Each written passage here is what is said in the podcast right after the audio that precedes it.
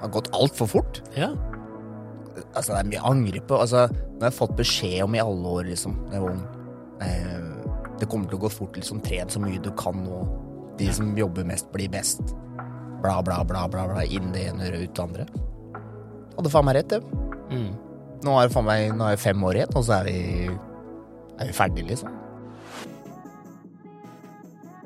Steinar Pedersen zappa han en dag og sa det. Dei, ta vare på dette. Nå det forsvinner. Nå har jeg fem år igjen.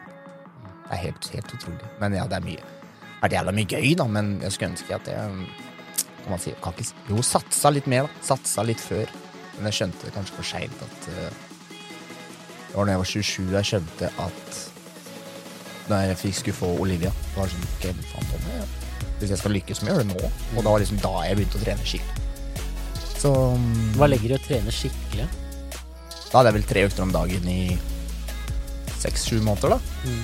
Uh, var ikke noe spesielt god far, var ikke noe spesielt god God uh, mann. Men det var mer sånn at jeg Jeg var superegoist, da. Jeg bare tenkte på meg sjøl, nå skal jeg lykkes. Hadde en samtale med fruen om det her.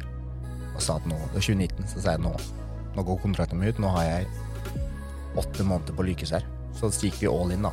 Mm. Uh, da var det Ja, da var ikke noe snill. Jeg, jeg var snill, snill, men det var ikke noe sånn Jeg var en superegoist, og det skulle jeg ønske jeg gjorde når jeg var yngre. Da kunne jeg liksom blitt, fått mer ut av det.